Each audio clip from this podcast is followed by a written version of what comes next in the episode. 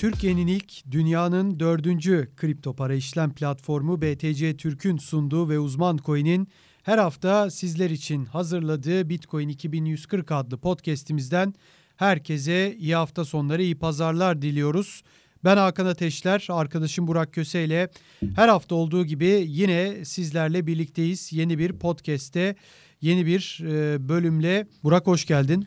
Hoş bulduk Hakan, sen de hoş geldin. Sağ ol, teşekkür ederim. Tabii bu hafta aslında ilk başta bir all time high hareketi geldi. En yüksek seviyesine ulaştı Bitcoin ve daha sonra ise özellikle Çin'den gelen Evergrande haberleriyle ki bu haberler çok da fazla doğrulanamadı diyebiliriz. Yani Evergrande battı, iflasını istedi ya da yapması gereken ödemeleri yapamadı gibi haberler çıktı ve bu haberler e, Bitcoin'in 64 bin dolar altına inmesine sebep oldu. 69 e, binden tabii çok yüksek bir seviyeden çok yüksek çok sert bir hareketle yüksek seviyeye gelmesinden sonra böyle bir sert düşüş beklenmiyordu.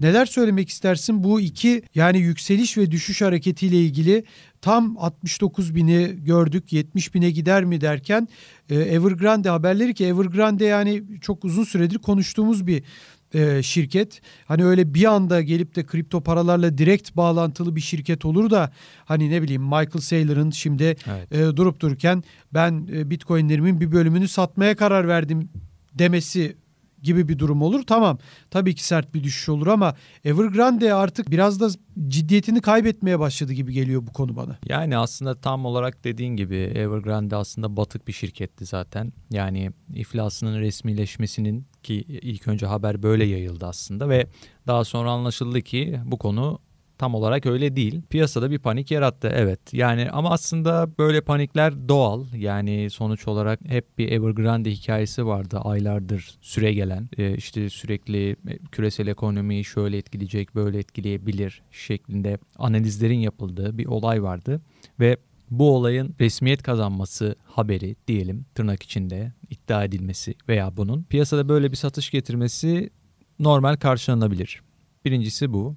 İkincisi de şu var. Zaten tam olarak aynı dakikalara denk geliyor neredeyse. Bu haberin ortaya çıkış çıkmadan dak dakikalar önce de şöyle bir şey vardı onu da hemen söyleyeyim. 8 yıldır hiçbir hareket olmamış cüzdandan yani en son hareket cüzdanda 2013 yılında olmuş. Ondan sonra herhangi bir çıkış olmamış cüzdandan 2200 BTC'lik bir transfer var. Cüzdandaki tüm miktar boşaltılmış. Şimdi 8 yıl herhangi bir hareket olmayınca genelde işte bu cüzdanın şifrelerinin unutulduğu, kaybedildiği varsayılır. Tabii. Ama bir şekilde belki gerçekten kaybedilmiş olabilir. Gerçekten şifreler unutulmuş olabilir ve daha sonra bulunmuş da olabilir. Böyle bir olasılık da tabii ki var. Ve 150 milyon dolar gibi bir meblağa tekabül ediyor 2200 BTC bu düşüş yaşanmadan önce. Bu bir kere ilk panik böyle başladı. Evergrande bunun üzerine geldi. 150 milyon dolarlık satış piyasayı bu kadar etkiler mi? Panik olmasa yani insanlar panikle hareket etmese Tabii. özellikle küçük yatırımcı piyasada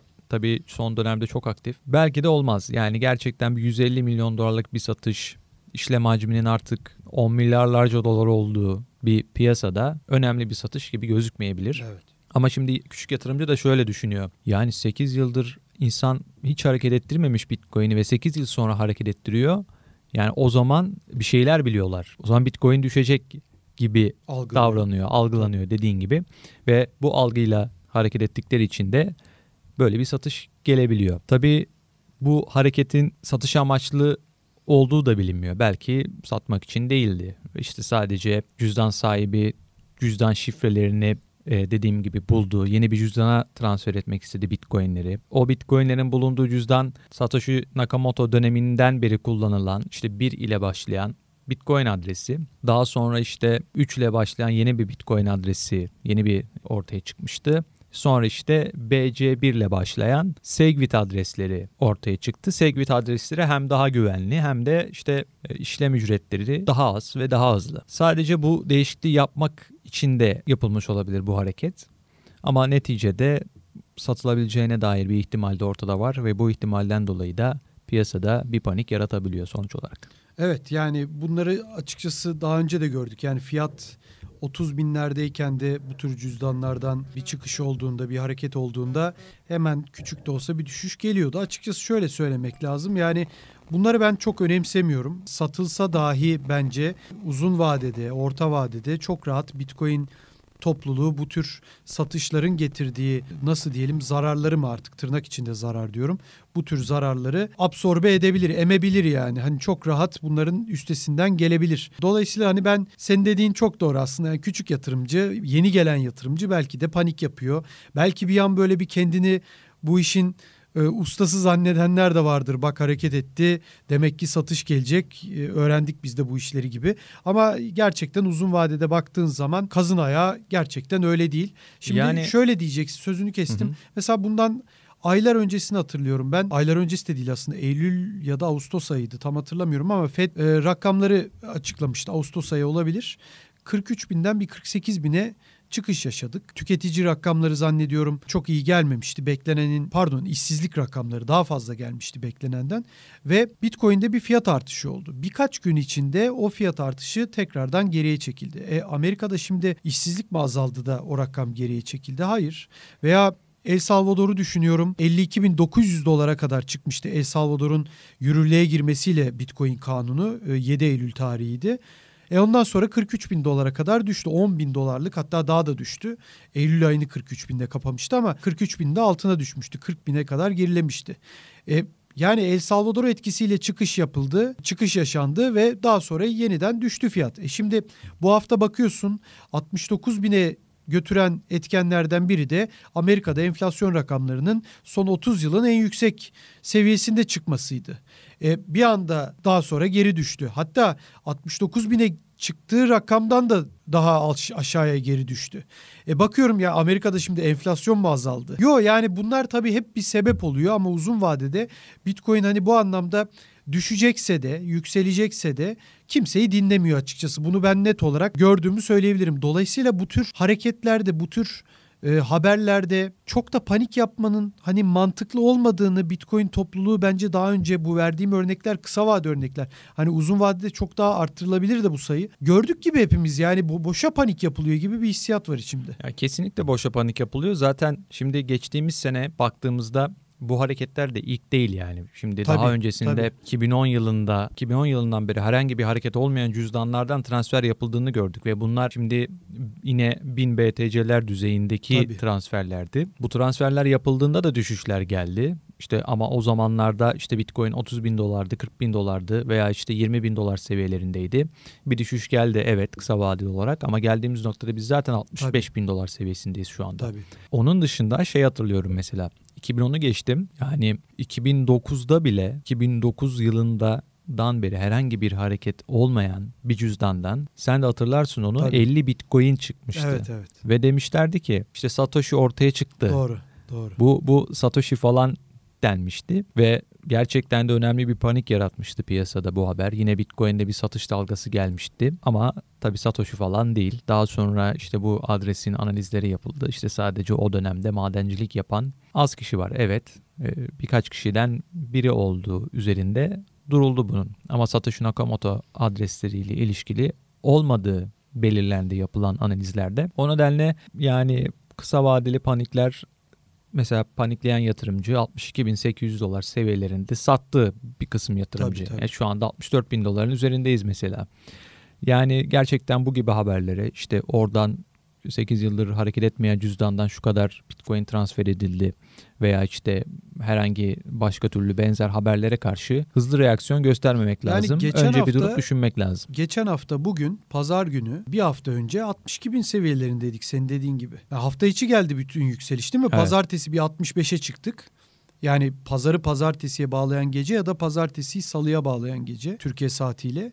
Ya bir 65 olduk zannediyorum ya da 64 olduk. Ondan sonra o, o yükselişler 69'a doğru gittik ve sonra düş geldi. Yani şu anda bile hani bütün bu bahsettiğimiz Evergrande'ler işte başka krizler işte Bitcoin çıkışları falan şu an hala yani biz en azından bu programı kaydederken öyle söyleyelim de en azından çok değişiklik olmadığı takdirde hala geçen haftadaki bugünden pazar günden biz yukarıdayız. Yani onu söylemek lazım. Ayrıca istiyorsan yavaş yavaş da bu fiyat konusuyla ilgili söyleyeceğim evet. başka bir şey yoksa konumuza da geçelim. Ki fiyatla da biraz doğru orantılı da bir konu. Apple'ın CEO'sundan çok çok önemli bir açıklama geldi. Kendisinin bireysel olarak kripto para yatırımlarının olduğunu söyledi. Aslında orada bir Bitcoin ve Ethereum'u da var gibi lanse edildiğini de gördük yabancı basında. Orada bir yani kendisi benim Bitcoin ve Ethereum'um var demedi direkt olarak ama Şöyle. soru soru orada biraz Bitcoin, Ethereum gibi paralara sahip misiniz? Evet o paralara yani ama kripto paralardan bahsediyor. Hı-hı. Yani orada muhtemelen tabii Bitcoin ve Ethereum'dur ama hani direkt olarak bir açıklaması olmadığı için hani orada yabancı basında da bir kafa kar, e, karışıklığı gördüm ben ama bir isim vermedi Apple CEO'su ve e, sonuçta kripto para yatırımı yaptığını, bunun bu devirde mantıklı olduğunu söyledi. Şimdi hemen e, senin yorumunu tabii merak ediyorum ama sorumu da sorayım. Yavaş yavaş Apple acaba bu kripto para hamlesinin adımlarını mı atıyor? Yavaş yavaş ısınmaya mı başladılar sence? Çünkü sen de takdir edersin ki biz sen de bunu daha önceki podcastlerde de çok konuştuk. Evet. Yani sence dedim hatırlarsın Apple'ın yönetim kurulu toplantısında Bitcoin konuşulmamış mıdır hiç diye evet. seninle birkaç podcast'te konuşmuştuk. Şimdi onu soracağım. Sence Apple'ın yönetim kurulu toplantısındaki kişilerden yani yönetim kurulu üyelerinden bağımsız mıdır bu açıklama? Bence kesinlikle bağımsız değil. Ve Tabii. kesinlikle de şunu düşünüyorum. Apple gerçekten yani Apple CEO'su ortamı biraz ısındırmak için bu açıklamayı yaptı. Benim görüşüm o yönde açıkçası. Çünkü birden ortaya çıkan bir açıklama. Yani daha öncesinde Apple CEO'su Tim Cook'un çok da işte kripto paralarla konuşmadığını biliyoruz. Kripto Hiç mi katılmadı hakkında. panellere değil mi mesela? Tabii yani çok sayıda panele katıldı ve çok sayıda açıklamalar yaptı ve kripto paralarla ilgili ben bugüne kadar e, bir açıklamasını hatırlamıyorum. En fazla şey demiştir. İşte sen hep örnek verirsin ya Avrupa Merkez Bankası Başkanı Christine Lagarde'ın para demeyip de kripto demesi gibi en fazla onu söylemiştir söylemişse. Direkt böyle kripto paralarla ilgili herhangi bir açıklamasını hatırlamıyorum. Bu ilk olabilir ve yani kendisinin kripto paraya yatırım yaptığını söylemesi ve bunun mantıklı olduğunu söylemesi de gerçekten ilginç. Tabii. Mesela bunun da fiyata hiçbir etkisi olmadı olumlu anlamda değil mi? Fiyata, ben hatırlıyorum evet, yani, yani çok bir açık, baktığımda hı. hani böyle bir 2000 dolar atmadı. Açıklama yani. sırasında olmadı ama sanki bir, bir, birkaç gün öncesinde gelen bu 68-69 bin belki, dolar hareketi tabii, tabii. ilginçti yani. Sonuçta tabii, tabii. Tim Cook'un bu açıklamayı yapacağı ile ilgili bir söylenti alınmış olabilir o sıralarda. Fiyat o yüzden 69 bin doları görmüş olabilir mesela. Ve şunu söylemek lazım. Apple dediğimiz şirket dünyanın en büyük şirketiydi birkaç ay öncesine kadar. Sonra Microsoft onu geçti ama şu anda dünyanın en değerli ikinci şirketi. Evet.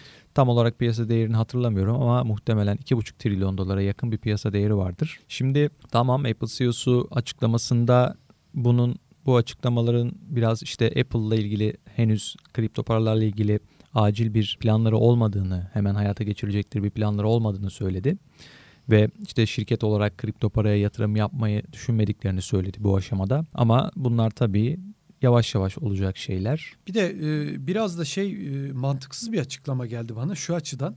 Yani biraz fazla zorlama. Hani evet. Hani kripto para almayacağız sözünü direkt olarak söyleyemez zaten. Onu hani bilemez. O zaman yalan söylemiş olur açıkçası. Aldığı zaman hani almayacaktınız derler ama şunu söyledi. Mesela bizim şirketimizden hisse alanlar, Apple'dan hisse alanlar biz kripto para alalım diye bizden hisse almıyordur gibi bir açıklama yaptı. Yani bu çok mantıksız geldi bana. Fazla zorlama geldi. Yani yani Tesla alanlar Tesla Bitcoin alıyor diye mi e, Tesla hissesi alıyor veya başka bir şirket Microsoft Tabii yani o biraz ama işte hani bir çok zorladı orada. Bana o zorlama da biraz sanki ilerisi için bir ısınma turları attıklarına dair bir fikir verdi. Çünkü e, dediğim gibi çok zorladı. Hani böyle ıkındı, sıkındı bir türlü hani biz almayacağız da demeyelim ama alacağız da demeyelim. Böyle bir ortadan ama olumsuz gidelim gibi çok zorladı gibi geldi. O yani bana zaten, şüphe uyandırdı evet, bende. Kendisi şunu söylemedim yani. Sonuç olarak kripto paralar, kripto paraya yatırım yapmak yani çeşitlendirilmiş bir portföyün parçası tabii, tabii. olarak dedi. Çok e, mantıklı. mantıklı dedi. Tabii, tabii. Yani sen bunu düşünüyorsan şirketin içinde düşünürsün. Şirketin de e, bir yatırım olarak bilançosunda sonuç olarak nakit tutması şu aşamada geldiğimiz noktada artık bir problem olmaya başladı. Tabii. Neden? Enflasyon her geçen gün rekor kuruyor Amerika'da. En son %6.2'lik bir enflasyon açıklandı ki bu 31 yılın rekoru Yani en son Tabii. 90 yılında görülmüş ve ondan sonra görülmemiş bir şey. Zaten FED Başkanı açıklamaları da hep böyle enflasyonun e, artabileceği, bu artışın devam edebileceği yönünde. E, o noktada şirket kasasında nakit tutmak artık büyük sıkıntı oluyor. Tabii. Ve bu daha önce başka şirket yöneticileri tarafından dile getirilmiş bir şey zaten. Yani Apple'ın da bir noktada artık bunu düşüneceğini, ciddi anlamda düşüneceğini e, tahmin ediyorum Mesela açıkçası. senle biz uzman coin'de burada çalışıyoruz. Diyelim ki ben şirketin de böyle bir önemli bir hissedarıyım. Hatta hani ekonomisinden sorumlu bir yöneticisiyim. Sen de sahibisin. Mesela ben bireysel olarak Bitcoin alsam, sen de buna e, karşı çıksan, sen şirketin sahibi olarak demez misin bana? Yani biz uzman coin'de almıyoruz Bitcoin. E sen kendin alıyorsun. Yani bir şey biliyorsan söyle de biz de alalım demez misin mesela? Yani Apple yönetim kurulu yani böyle bizim gibi bir masa etrafında oturuyorlar sonuçta. Çay kahve içiyorlar, kurabiye evet. yiyorlar, bunları konuşuyorlar. Yani Apple'a o zaman niye almıyoruz kardeşim? Biz bilmiyor muyuz bu işi? Sen mi biliyorsun ya da sen hiç bilmiyorsun yani biz doğruyu yapıyoruz. Şu var. Yani, yani sormazlar mı adamı? Tabii ki. Orada şunu bekliyorlar artık. Biraz regülasyonun bu anlamda netleşmesini bekliyorlar evet, Amerika'da. Evet. İşte SEC'nin bir Bitcoin ETF'ine spot'a onay vermesi durumunda mesela iş bambaşka bir boyuta taşınacak. Tabii. Yani bu sadece spot Bitcoin ETF'e onay vermek anlamına gelmiyor. Artık bu dev kurumlara, şirketlere siz Bitcoin'e yatırım yapabilirsiniz demek aslında. O yüzden biraz da bu işareti bekliyorlar. Ee, Apple başta olmak üzere diğer şirketler Bitcoin'e yatırım yapmak için. O nedenle şimdilik işte biraz da bu işin yolunu yapıyorlar gibi geliyor evet, bana. Evet. Ve zaten şöyle bir şey de var. Apple bir süredir kripto parayla ilgili adımlarını görüyorduk. Mesela Mayıs ayında Apple bir ilan açmıştı. Kripto para kripto parada deneyim sahibi olan, sektörde deneyim sahibi olan bir yönetici ilanı yayınlamışlardı. Evet. Ve bu da zaten şirketin e, en azından bundan 6 aydır bu işe kafa yorduğunu Tabii. ciddi şekilde ve eyleme geçtiğini gösteriyor. Ve hatırlamıyorum hangi yatırım şirketiydi bilmiyorum ama bir yatırımcı notunda ve büyük de şirketlerden biri şu an ismi aklıma gelmedi. Apple'ın kendi cüzdanında Apple Wallet'ta kripto para işlemlerini açmasının şirkete şöyle şöyle gibi değerler sağlayacağı ve şirketin piyasa değerinin şu kadar artacağına dair bir analiz vardı ve Apple'a bu tavsiye ediliyordu. Yani bugün dünya çapında Apple Wallet'ın kullanıcı sayısı herhalde 100 milyonlarca ölçektedir. Apple'ın da tabii ki ben kesinlikle inanıyorum. Apple Wallet'ta bir kripto para özelliği herhangi bir şekilde kripto para saklama üzerine veya işte alım satım üzerine çalışma yaptığından şüphem yok açıkçası. Çünkü Samsung bunu geçen seneden beri aktif olarak bu hizmeti sunuyor zaten. Samsung telefonlarında artık bir cüzdan var. Samsung tarafından desteklenen ve Blockchain Case Store'du ilk ismi şu an belki değiştirmişlerdir bilmiyorum. İşte siz orada kripto paranızı saklayabiliyorsunuz, NFT'lerinizi saklayabiliyorsunuz.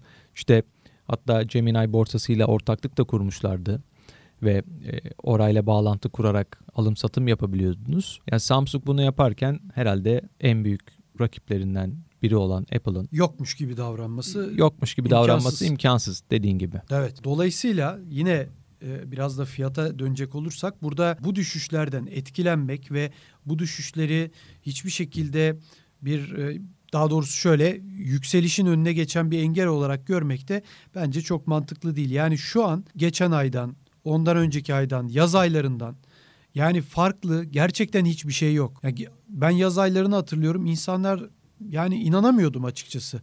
Ayı sezonundayız. Her şey bitti. 10 bine düşebilir. Tabii tam ortasındayız. Yani çok ilginç. Sanki Amerika'da kriz bitmiş. Dünyada pandemi krizi bitmiş. Tahvil alımına FED ve diğer ülkeler Avrupa Birliği'nden tutun. Bizim de e, ülkemizin yani Türkiye'nin de sanki herkes zenginlik içinde çok güzel yaşamış da Bitcoin'e ihtiyaç hiçbir şekilde kalmamış gibi bir ortam vardı. Çok şaşırıyordum gerçekten. Bugün hatta o zamanlar FED başkanı biz tahvil alımını azaltmayı planlıyoruz gibi açıklamalar da yapmıyordu. Mesela şu anda yapıyor. Evet. Tahvil alımını azaltmak istiyoruz diyor.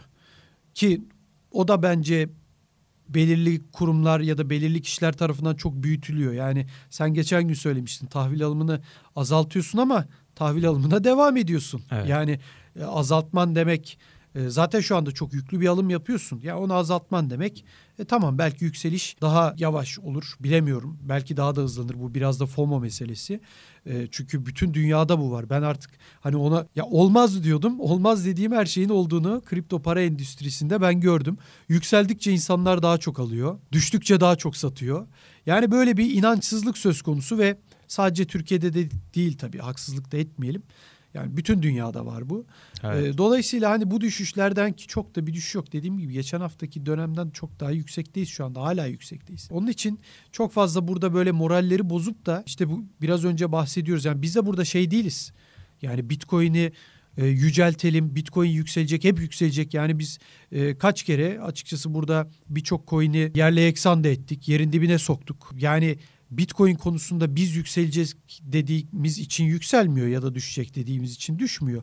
Yani biz de burada bildiklerimizi söylüyoruz ve düşüncelerimizi belirli bir şekilde belirli argümanlarla desteklemeye çalışıyoruz. Şimdi o argümanlar tabii bizi dinleyenlere ikna edici gelir gelmez.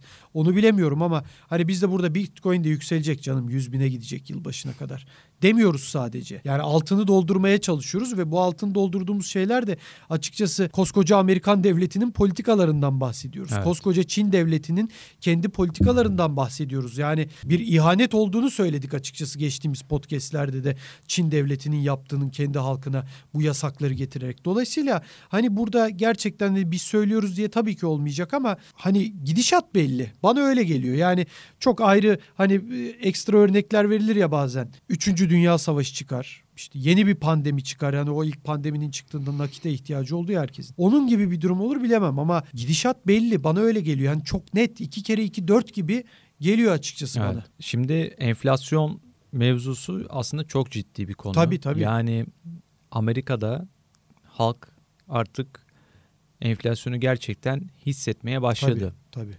Bu tabii Türkiye'deki gibi değil. Biraz daha oradaki tabii doğal düşük olarak seviye. enflasyon daha düşük seviyede evet. hissediyorlar ama oradaki duyarlılık daha fazla bu tabii, konuda. Tabii. Yani gıda fiyatlarının çılgınca yükselmeye Alışkın başlaması. değiller bir kere. Dediğin gibi aynen.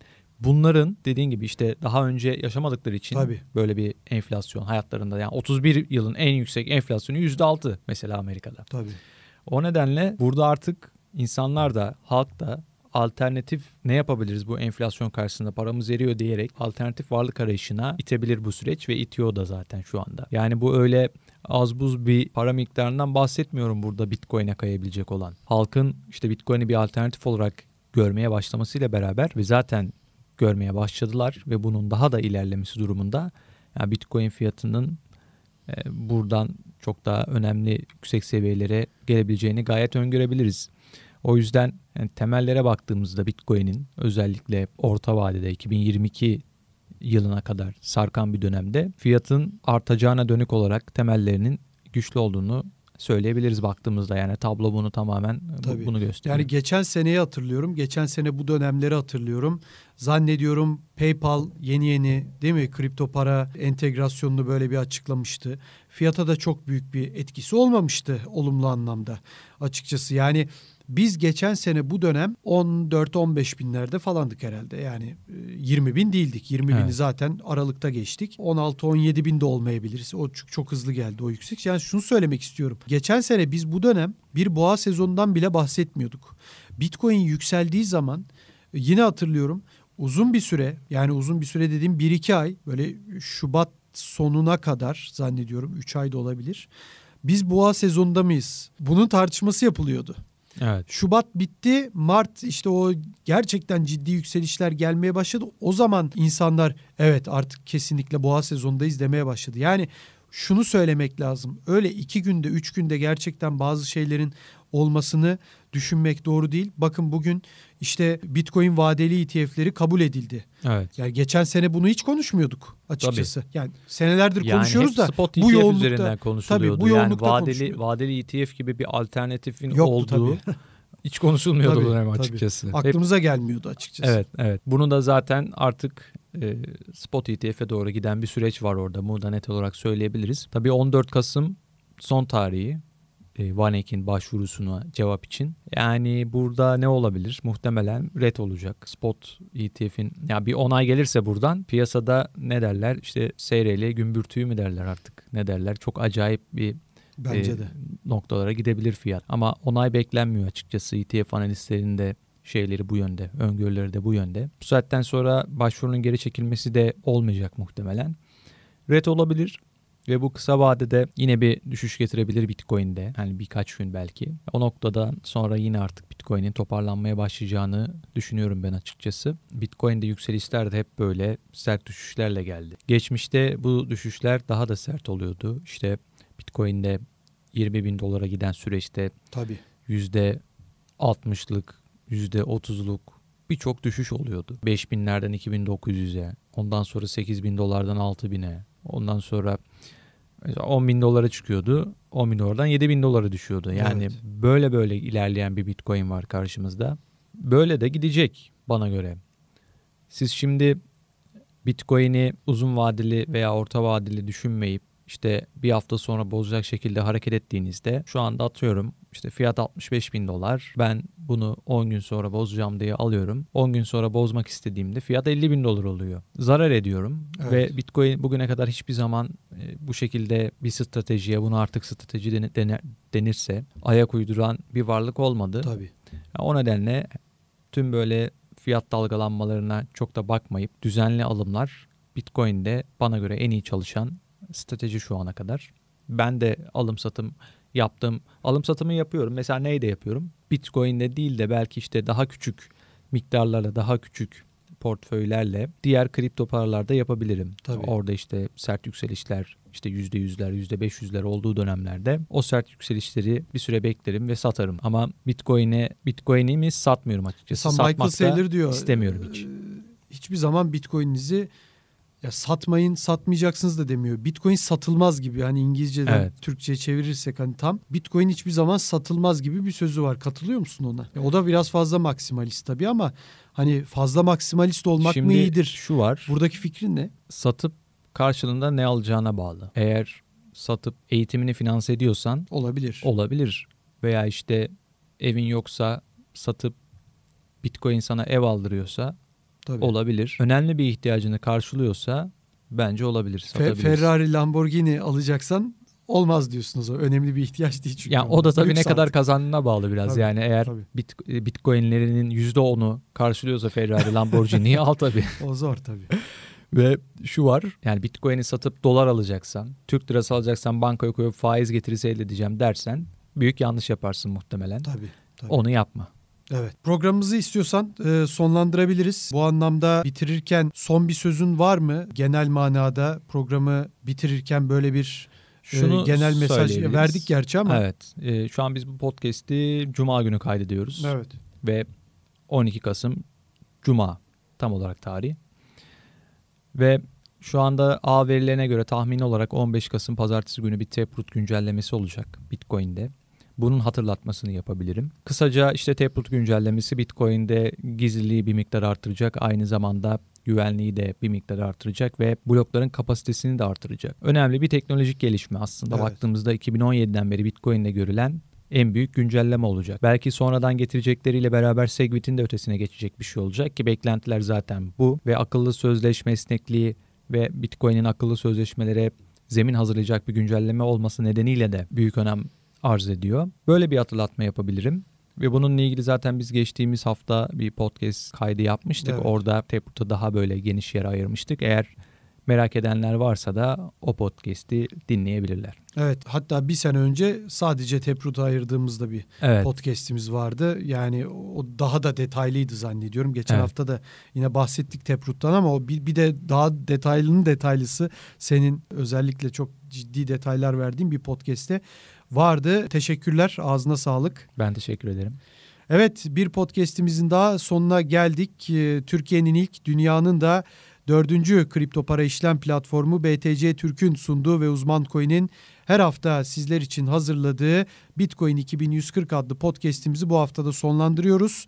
Bakalım yeni hafta fiyatlar açısından bizlere neler getirecek? Çok daha volatil, çok daha sert iniş ve çıkışların olacağı haftalara giriyoruz haberlerle de tabii ki doğru orantılı olarak. Hepsini göreceğiz. Tabii ki anlık olarak biz Uzman Coin YouTube kanalında da sizlerle birlikte oluyoruz. Anlık önemli olaylar olduğunda YouTube'dan da bizi takip edebilirsiniz. Herkese iyi hafta sonları, iyi pazarlar. Gelecek hafta görüşmek dileğiyle.